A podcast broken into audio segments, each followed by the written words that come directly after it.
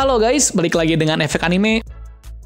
Video kali ini adalah lanjutan dari season 1, dan sekarang adalah alur cerita season keduanya. Pada scene terakhir season 1, diperlihatkan kalau di balik dinding ada beberapa Titan. Dan tak apa maksud dari Titan yang berada di sana. Dan mulai dari situ, banyak spekulasi yang berdatangan mengenai kabar tersebut. Tapi sebelum kita menuju topik utama, Jangan lupa untuk klik tombol subscribe dan juga tombol loncengnya agar selalu mendapatkan update seputar alur cerita anime dari kami. Dan berikut seluruh alur cerita Attack on Titan Season 2 versi efek anime. Part ini diawali dari sebuah hal yang tak terduga, di mana tembok dinding yang melindungi umat manusia ternyata terbuat dari para Titan. Itu dibuktikan ketika salah satu dinding retak akibat serangan dari Titan ini. Dan setelah kejadian tersebut, para pasukan pengintai dan polisi militer masih membahas hal tersebut. Usut punya usut, ternyata ada salah satu kelompok yang mengetahui hal tersebut. Kelompok itu adalah kelompok penyembah dinding.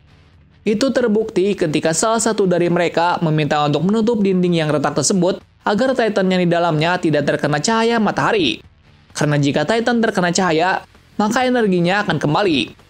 Mengetahui hal tersebut, Kapten Hanji langsung mengancam orang tersebut agar pendeta memberitahu rahasia di balik dinding tersebut.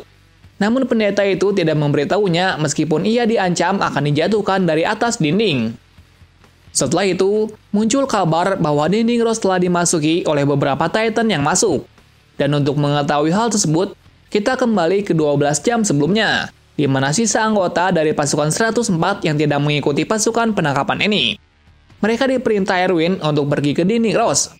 Ternyata, itu adalah rencana dari Erwin karena ia telah mencurigai bahwa ada dua orang lagi yang bisa berubah wujud menjadi Titan. Kemudian Erwin mengirim mereka ke sana tanpa membawa perintah apa pun. Tujuannya agar orang tersebut tidak bisa kabur. Selain itu, mereka juga diawasi oleh para pasukan pengintai senior. Dan tak berapa lama, pasukan tersebut mendapati bahwa para Titan sedang berada di dalam dinding Rose. Mengetahui hal tersebut, pasukan senior membagi menjadi empat grup dengan tujuan untuk memperingati desa di sekitar agar pergi mengungsi. Namun di saat perjalanannya, tiba-tiba beberapa Titan menjadi liar. Untuk mengatasi hal tersebut, Mike atau pasukan senior paling kuat menghentikan beberapa Titan agar pasukan yang lain bisa pergi dengan selamat. Namun ia dikagetkan dengan datangnya Titan yang tidak biasa, karena Titan ini bertubuh besar dan berbulu. Bukan hanya itu saja, Titan ini juga bisa bicara. Melihat hal tersebut, Mike pun kaget setengah mati. Ditambah, para Titan yang lain sudah mengepungnya dan tak lama kemudian, Titan di sekitarnya pun memakannya dengan brutal. Sementara Beast Titan membawa perlengkapan militernya. Sementara itu, kelompok pasukan yang lain terpecah dan pergi ke desa-desa terdekat, tepatnya di kampung halaman Connie Springer. Nah, sesaat di sana, mereka tidak menemukan seorang pun dan juga melihat rumah yang hancur walaupun tidak ada Titan di sana. Nah, secara tak terduga, di rumah Connie ada sesosok Titan yang tertangkap. Selain itu, Titan tersebut mirip dengan ibu Connie. Hal itu membuat mereka kebingungan tentang apa yang terjadi di sini, dan menyimpulkan bahwa orang-orang di desa ini kemungkinan sudah dievakuasi.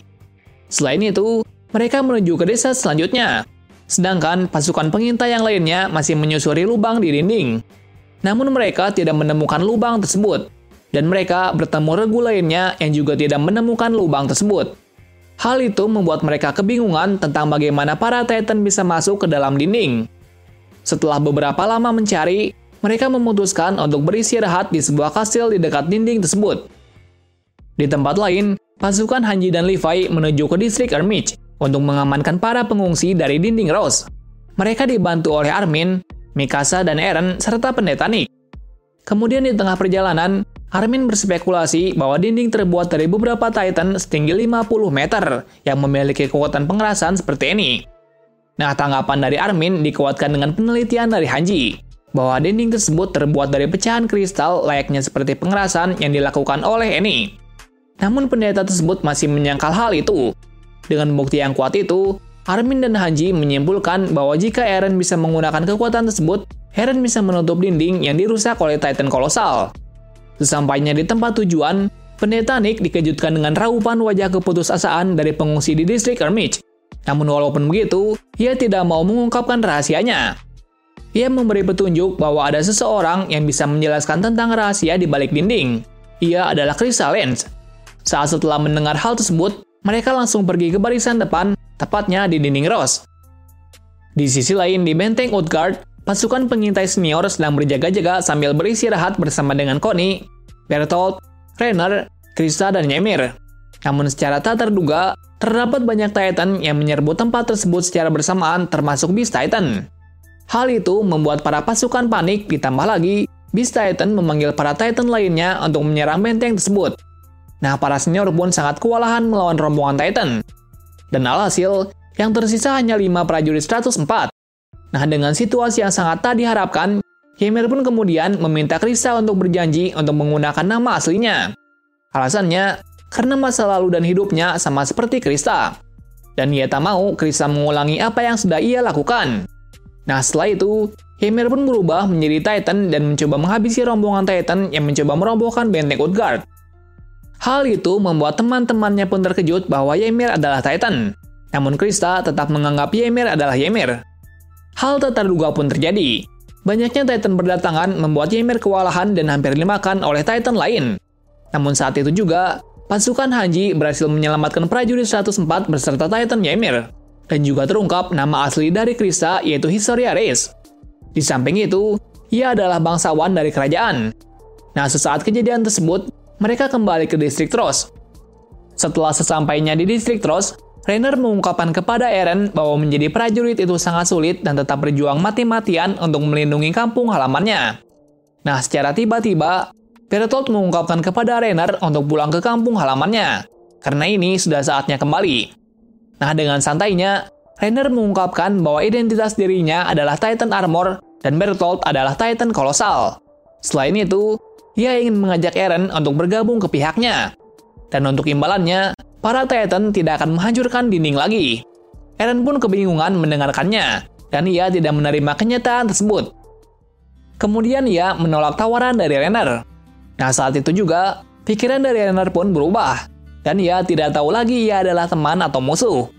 Kemudian Renner dan Bertolt mencoba untuk membawa Eren. Namun Mikasa yang melihat hal tersebut tidak diam saja. Dan ia mencoba untuk membunuh mereka berdua, akan tapi ia gagal. Alhasil, mereka pun berubah menjadi Titan Kolosal dan Titan Armor. Setelah itu, terjadi pertarungan antara pasukan pengintai dan Titan Kolosal. Namun itu tak berhasil, karena Titan Kolosal mengeluarkan uap panas sehingga pasukan pengintai harus menunggu uap panas itu hingga hilang. Di pertarungan lain, Eren berubah menjadi Titan untuk melawan Renner. Namun ia tidak bisa apa-apa karena kekuatan dari Renner berbeda jauh dengannya. Akan tapi, ia berhasil menyatukan Renner dengan jurus yang diajarkan oleh Eni saat pelatihan. Dengan jurus tersebut membuat Armor Titan tidak bisa bergerak. Dan itu membuat Armor Titan yang terkunci tersebut meminta bantuan kepada Colossal Titan dengan cara untuk menyatukan tubuhnya ke bawah agar Eren tertimpa Colossal Titan. Alhasil, para pasukan pengintai terluka parah akibat uap dari Titan Colossal tak terkecuali Mikasa. Setelah lima jam kemudian, pasukan pengintai melaporkan kejadian tersebut kepada Komandan Erwin Tujuannya untuk meminta membawakan kuda untuk pergi keluar dinding untuk menyusul Eren. Kemudian, pasukan Erwin pun bergegas ke distrik Tros untuk menjalankan rencana untuk membawa Eren kembali. Di sisi lain, Mikasa yang pingsan terbangun. Kemudian Armin menjelaskan bahwa Eren telah diculik 5 jam yang lalu dan tidak ada yang menyusulnya seorang pun.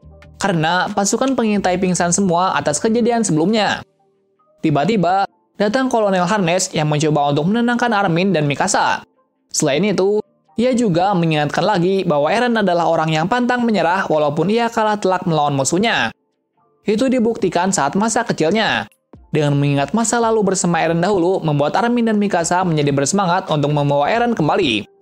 Dan tiba-tiba, pasukan Komandan Erwin datang.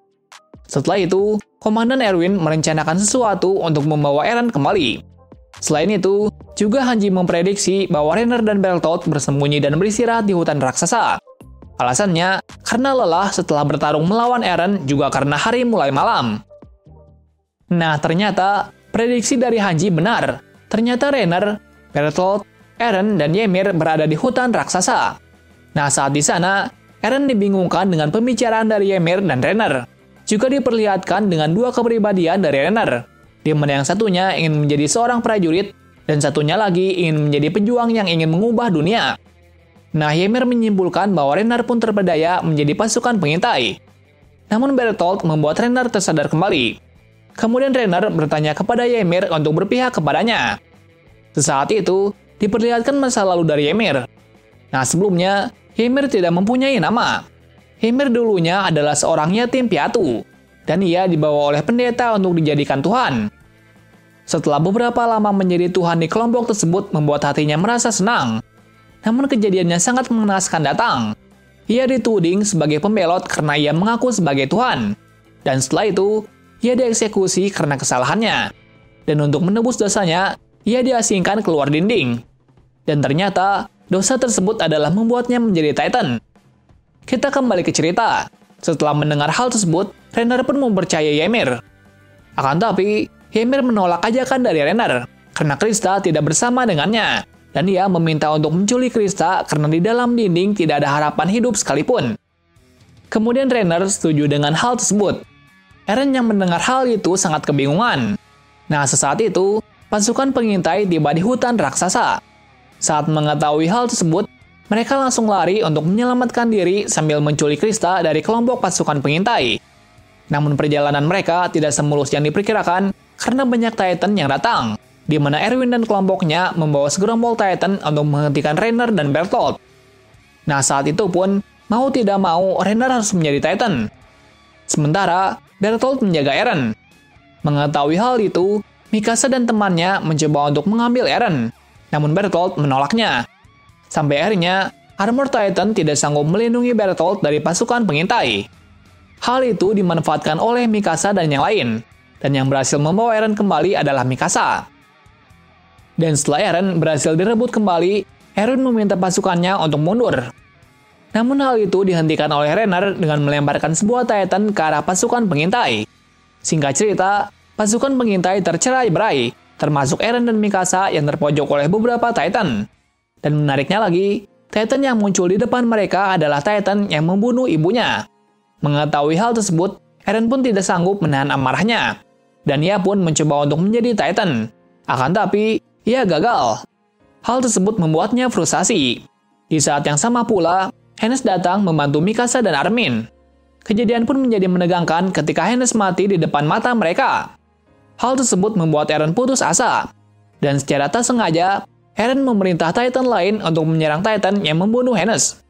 Alhasil, semua Titan yang berada di dekatnya membunuh Titan yang membunuh Hennes.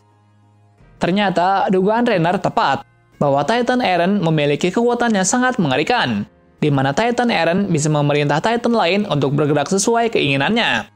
Atas kejadian tersebut, pasukan pengintai pun berhasil lari. Sementara Renner, Ymir, dan Bertolt berhasil kabur dari para Titan. Setelahnya, ia beristirahat di atas dinding.